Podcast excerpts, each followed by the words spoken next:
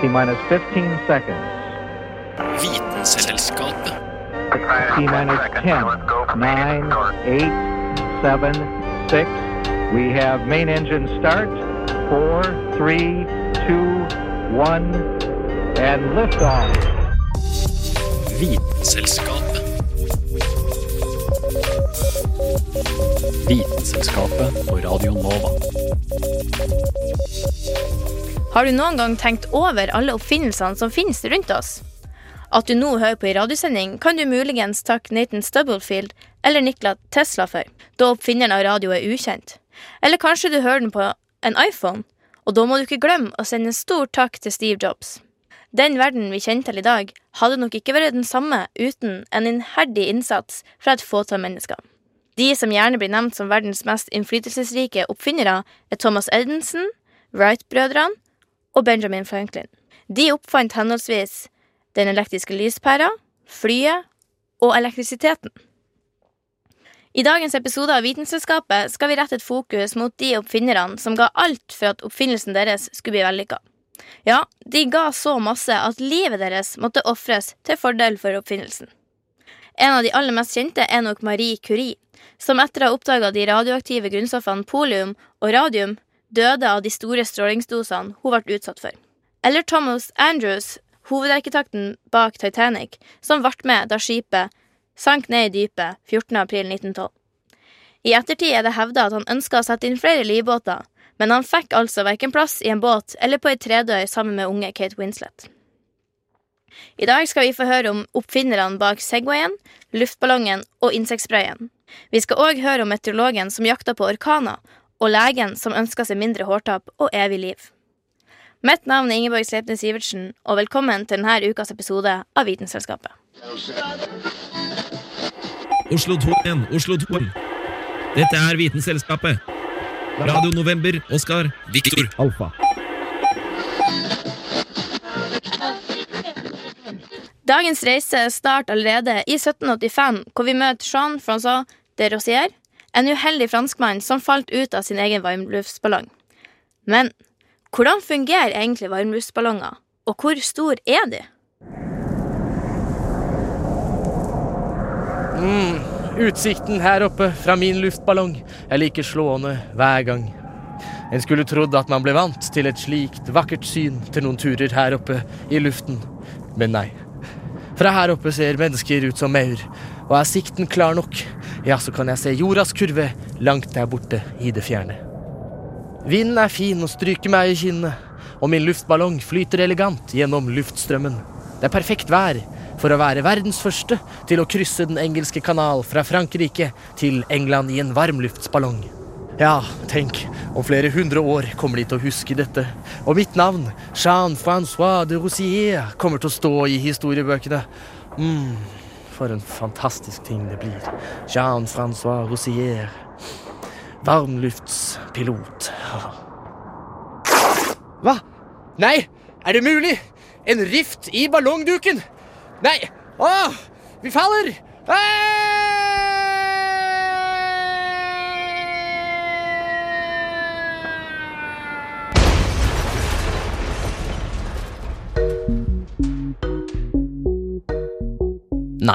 det var kanskje ikke helt sånn det gikk for seg da luftfartspioneren Jean-Francois de Rosier uheldigvis krasjet i Frankrike den 15. juni 1785. Franskmannen, i et forsøk på å krysse Den engelske kanal i sin varmluftsballong, hadde et uhell med ballongen og overlevde ikke fallet på over 450 meter.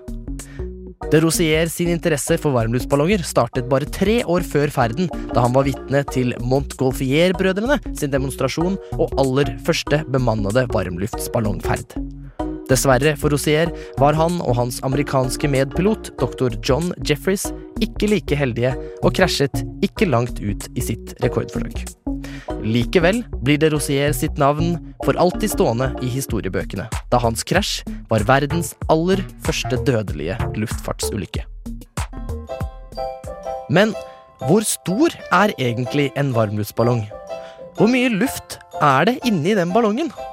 Heng med til slutten av innslaget og få med deg det utrolige svaret.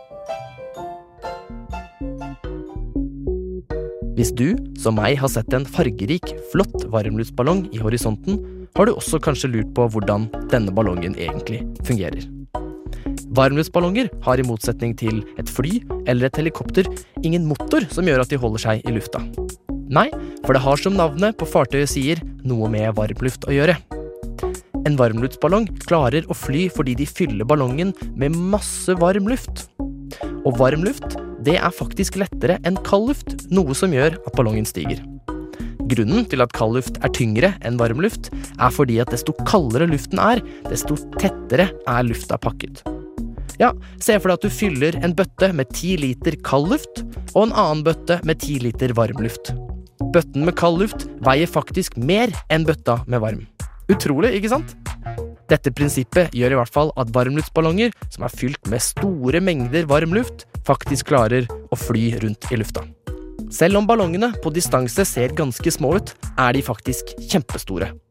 Og grunnen til dette er fordi at de trenger masse, masse varmluft for å klare å løfte sin egen vekt.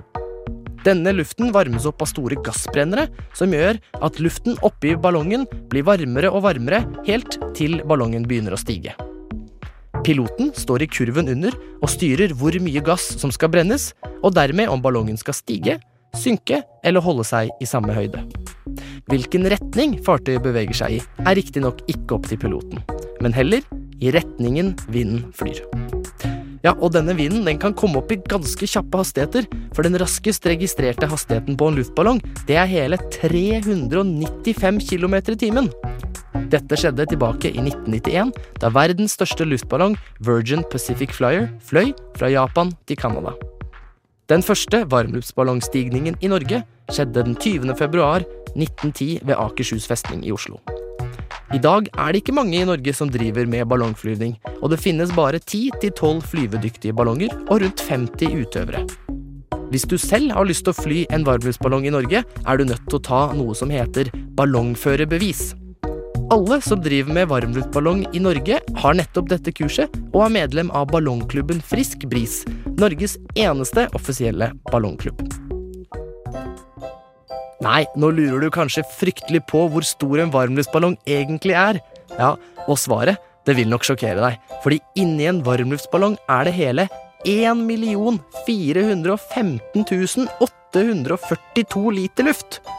For å sette det i perspektiv så tilsvarer dette ca. 50 000 alminnelige ryggsekker.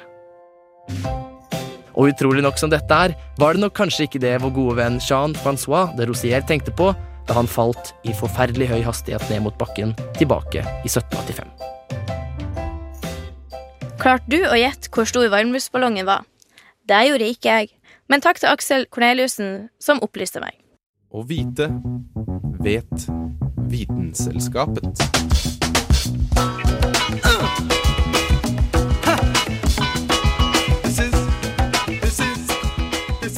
Nå nærmer det seg sakte, men sikkert sommer og sol, bading, grilling og musikk.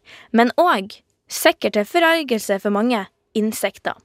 Men én ting kan vi være takknemlige for, og det er at vi lever i tiden etter 1925, da entomologen Harold Maxwell Lefroy levde. Det er denne mannens liv, virke og skjebne vi nå skal få høre mer om.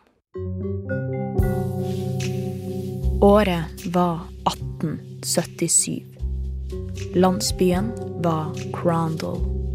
Landet var England. Og insektene ante ikke hva de hadde i vente. Det var nemlig dette året, i denne landsbyen, i dette landet, en baby ved navn Harold Maxwell Lefroy kom til verden. Denne babyen skulle, etter hvert som han vokste opp, vise seg å bli en ledende entomolog, eller insektforsker. Det hele starta med at han Harold tok ei utdanning i naturvitenskap, som vitenskapsmenn ofte gjør, og gikk videre til å spesialisere seg innenfor entomologi, læren om.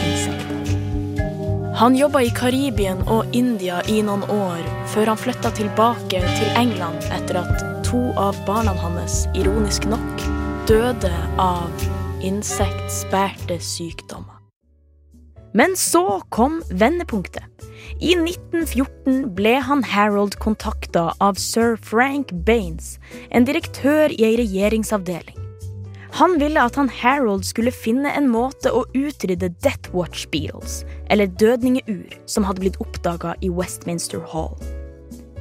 Disse dyrene er ei slags borebille, som altså borer seg gjennom treverket og potensielt kan ødelegge et helt byggverk. Maxwell Lefroy lyktes med å komponere en forbindelse som kunne beskytte tømmeret. Nå skalv insektene i buksa.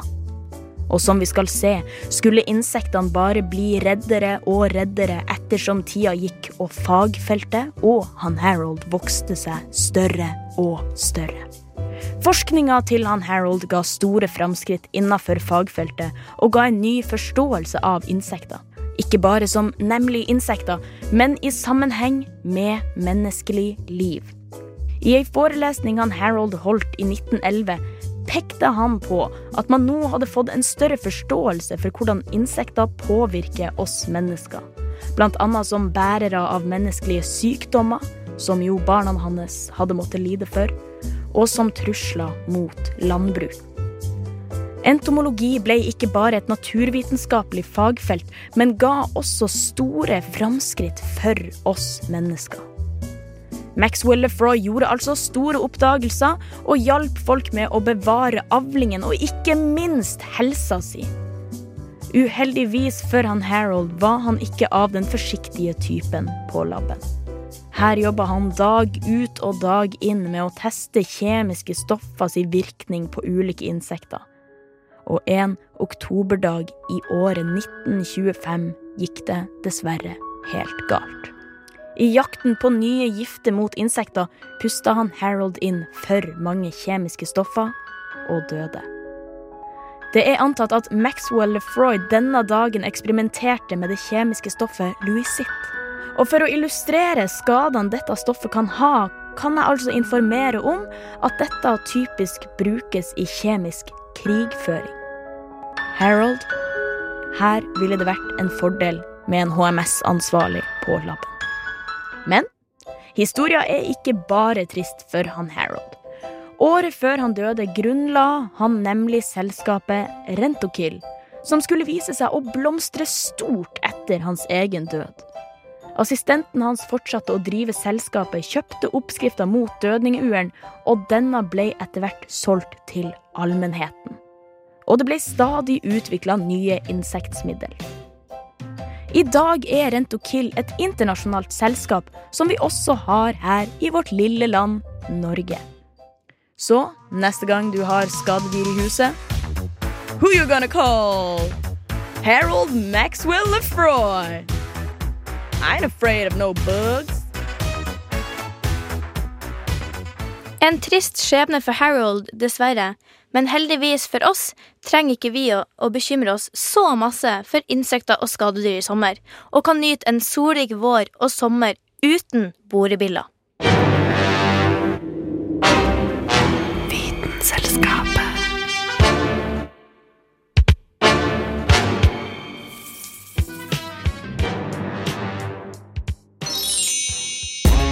hvis, hvis, visst, visst, visst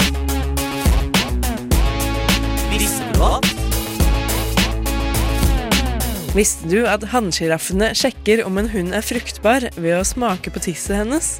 I noen tilfeller er det visstnok sånn at en hannsjiraff stanger hunnsjiraffen rett i urinblæra, slik at hun tisser på seg. Ved å smake på tisset avgjør han om han kan pare seg med henne eller ikke. Visst, visst, visst, visst,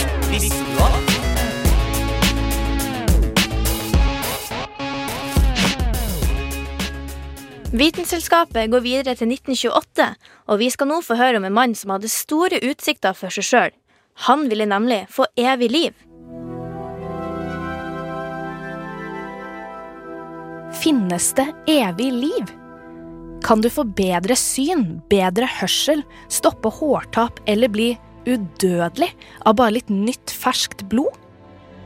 Blodoverføring ble under ski-VM i Seefeld satt på dagsorden da det ble kjent at tre langrennsutøvere hadde innrømmet å bruke blodoverføring for å prestere bedre i løypa.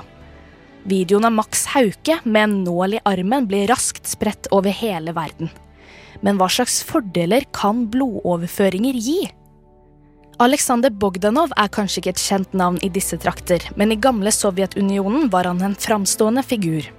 Han var kommunist, lege, filosof, økonom, sosiolog, science fiction-forfatter og forsker på blodoverføring. Han hadde en teori om at yngre, friskere blod kunne lege kroppslige permanente problemer og til og med forlenge eller eviggjøre livet. Ved å overføre ungt blod til seg selv hevdet Bogdanov at synet hans ble forbedret, at det stoppet hårtapet hans, og han sa at vennene hans mente at han så ti år yngre ut. Pga. hans påståtte forbedringer spekulerte Bogdanov i mulig evig liv dersom han fortsatte å overføre friskt, ungdommelig blod til seg selv. I dag kan blodoverføring bli brukt for prestasjonsfremmende effekt innenfor kondisjonsidretter. Formålet er å øke antall røde blodceller og dermed mengde hemoglobid og transport av oksygen, og utøverne får en unormalt høy blodprosent. Det betyr at blodet kan frakte mer surstoff fra lungene ut til muskulaturen. Selv om Bogdanov dessverre døde av sin egen oppfinnelse da han overførte blod fra en malariasmittet student til seg selv, blir det i dag brukt med gode resultater, så fremst man ikke blir tatt for doping og blir utestengt fra idretten sin og hengt ut på internett.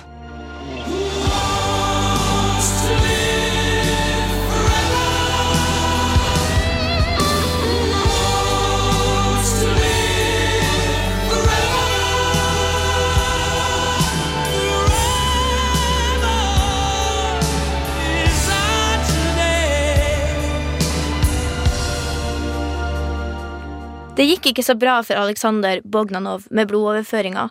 Og sjøl om blodoverføringa ikke gir oss evig liv i dag, er det fortsatt veldig viktig å donere blod.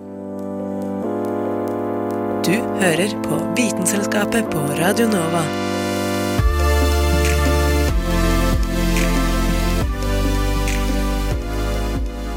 Du har kanskje sett den i utlandet, eller i Norge etter 2014.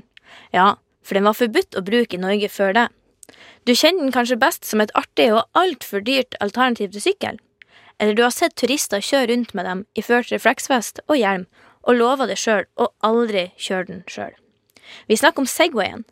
Nok noe annet Segway er kjent for, er den tragiske ulykka hvor selskapets eier mista livet. Du har kanskje sett den i utlandet en gang, da du vandret bekymringsløst langs en gate. Og da gjerne i kombinasjon med en skrikende gul refleksvest. Eller du kan ha sett den i Norge etter 2014. Ja, for denne oppfinnelsen var forbudt å bruke i Norge før 2014. Den har vært gjenstand for politisk debatt og blitt viet mye oppmerksomhet i media. Enten du har sansen for den eller ei, så har den mange steder blitt en del av bybildet. Og i større byer er det trolig få som vil bli overrasket over å se den i 2019. Men det har ikke alltid vært sånn. Jeg snakker selvfølgelig om det selvbalanserende kjøretøyet Segway. Og i dag er den kanskje mest kjent for mange som et artig og litt dyrt alternativ til sykkelen. Men før Segwayen ble lansert i USA i 2001, var det store forventninger knyttet til oppfinnelsen og dens potensielle bidrag til det moderne samfunnet. Og I sin tid ble det spekulert i om Segwayen kunne bli viktigere enn selve internett. Grunnleggeren av Amazon, Jeff Bezos, var en av de tidlige investorene i selskapet. Og Steve Jobs ja, han skal angivelig ha uttalt at Segwayen kunne bli like stor som datamaskinen. Riktignok skal han sagt etter lanseringen at den ikke helt sto til forventningene. Men til Segwayens forsvar var det da snakk om prisen primært, og ikke selve designet. Ja, for det koster å skaffe seg en Segway. Ved lanseringen så måtte du bla opp ca. 5000 dollar, eller rett over 45 000 norske kroner i datidens kurs. Med andre ord så henvendte Segwayen seg til et nisjemarked med stort sett rike mennesker som ikke var redde for å dumme seg ut offentlig. Noe annet Segwayen er kjent for, er den tragiske ulykken hvor selskapets eier mistet livet.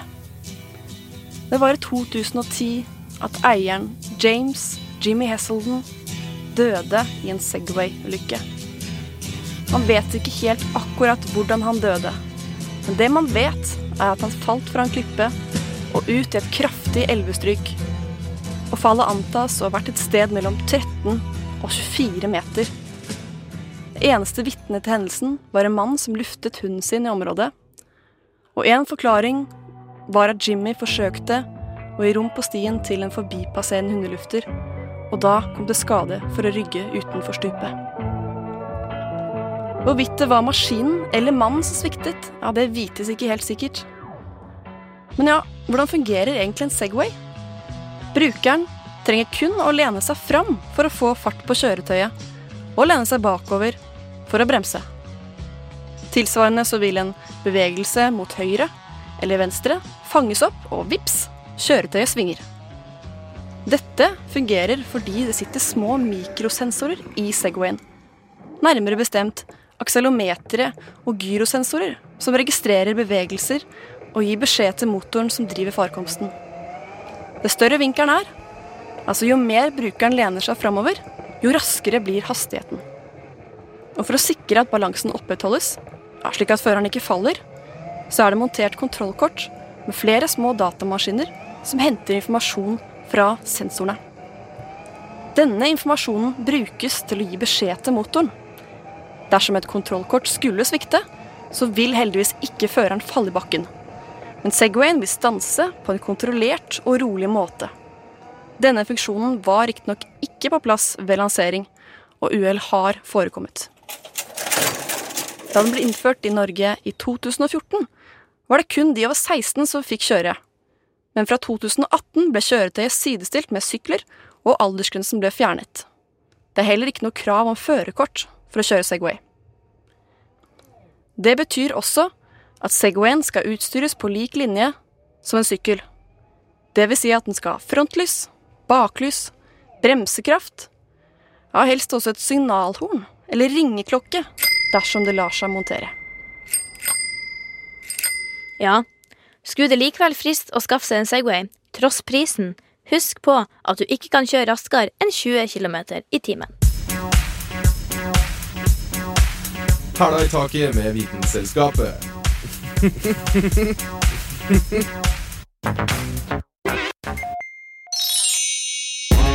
Visst, visst, visst, visst, visste du at?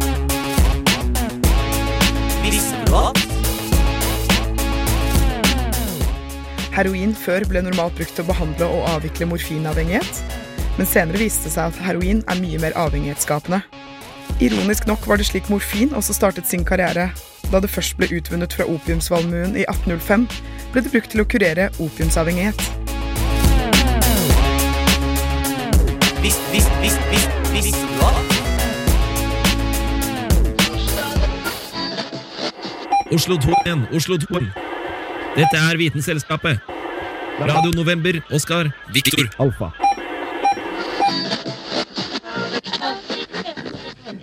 Tornadoer herjer som bare der rundt om i verden. En mann som ofra livet sitt i 2013 for å forske på det her, het Tim Samaras, og han skal vi få høre mer om nå. 31. mai 2013. Oklahoma. USA. Det virket som det var en vanlig regndag denne vårdagen i Oklahoma. På ettermiddagen var det varmt, fuktig, og da det begynte å danne seg mørke skyer over den blå himmelen.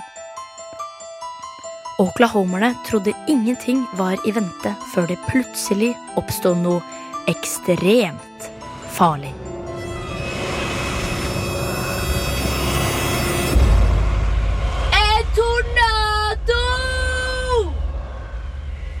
En tornado som skulle skape ødeleggelser til flere millioner dollar, der 115 mennesker skulle bli skadd og 20 personer skulle miste livet. Men tre av disse dødsfallene var spesielt uvanlige. Det var for første gang noensinne at tre stormjegere ble drept i en tornado, og en av disse var 55 år gamle Tim Samaras. Tim Samaras døde i denne tornadoen sammen med sin sønn på 24 og et annet crewmedlem. De var stormjegere.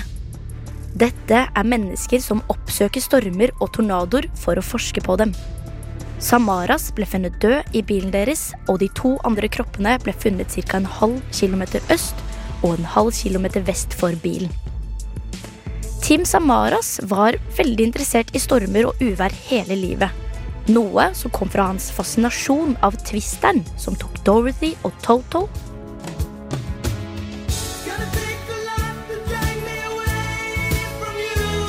Nei, ikke han Toto, men Toto fra Trollmannen fra Os. Karrieren hans bestod mye av å oppsøke store og dødelige stormer for å måle fuktighet, temperatur og trykket i midten av tornadoer. Men for å gjøre dette måtte han bryte stormjegerne sin viktigste regel Never get too close or too cocky. I senere tid fant man ut at det var en veldig god grunn til at Samaras drev med akkurat dette farlige arbeidet. Han skulle redde liv. Samaras drøm var å finne ut mer om slike dødelige tornadoer ved å få tak i data om trykk, temperatur og fuktighet i midten av tornadoen. Og dermed kunne han få svar på hvordan man kunne forutse slike stormer. I motsetning til en tornado vil en orkan bli oppdaget mange dager i forveien. Mens en tornado vil utvikle seg bare i løpet av noen timer eller minutter. Derfor var det viktig for Samaras å dra på stormjakt og finne nettopp disse dataene. I tillegg mente han at det var en måling av twisteren på tornadoen som var ekstremt viktig, fordi den inneholdt data av de ti laveste meterne der hus, biler og folk oppholdt seg. Ved å få innsikt i disse ti meterne vil man kanskje kunne bygge infrastruktur som tåler dødelige tornadoer, og dermed redde liv. Det er sånn at det fortsatt mangler mye forskning på dette feltet. Dette er fordi det er ekstremt farlig å være i nærheten av tornadoer. Men det er også sånn at det ikke er funnet noe teknologi som ikke blir ødelagt i kjernen av tornadoer. Det er veldig mange som sier at det har blitt et stort tomrom i forskningen etter at Samaras døde. Og at det er fortsatt mye man ikke vet om tornadoer. Og med det så sier jeg bare Forsk litt på tornadoer, da, dere! Og redd verden. Ja, forsk litt mer på tornado, dere, men gå ikke så langt som Tim Samaras. Det er ikke så smart. There's hydrogen and helium, then lithium, beryllium, boron, carbon everywhere, nitrogen all through the air with oxygen so you can breathe. Du hører på Vitenselskapet på Radio Nova.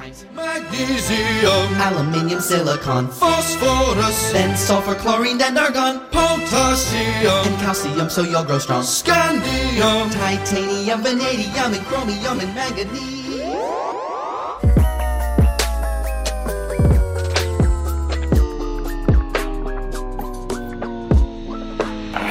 Vitenselskapet. Da runder vi av ukas episode av Vitenselskapet. Hvis du vil høre episoden på nytt eller vil høre sendinga som podkast, så finner du oss på Spotify og der du hører dine podkaster. I denne ukas episode av Vitenselskapet har du hørt Aksel Korneliussen, Silja Furseth, Anja Lokkertsen, Ada Sundby og Hanna Dokke. Mitt navn er Ingeborg Sivertsen, og takk for meg. Neste uke er Vitenselskapet tilbake med sine vanlige redaksjonsmedlemmer, men vi håper at du har satt pris på denne episoden likevel.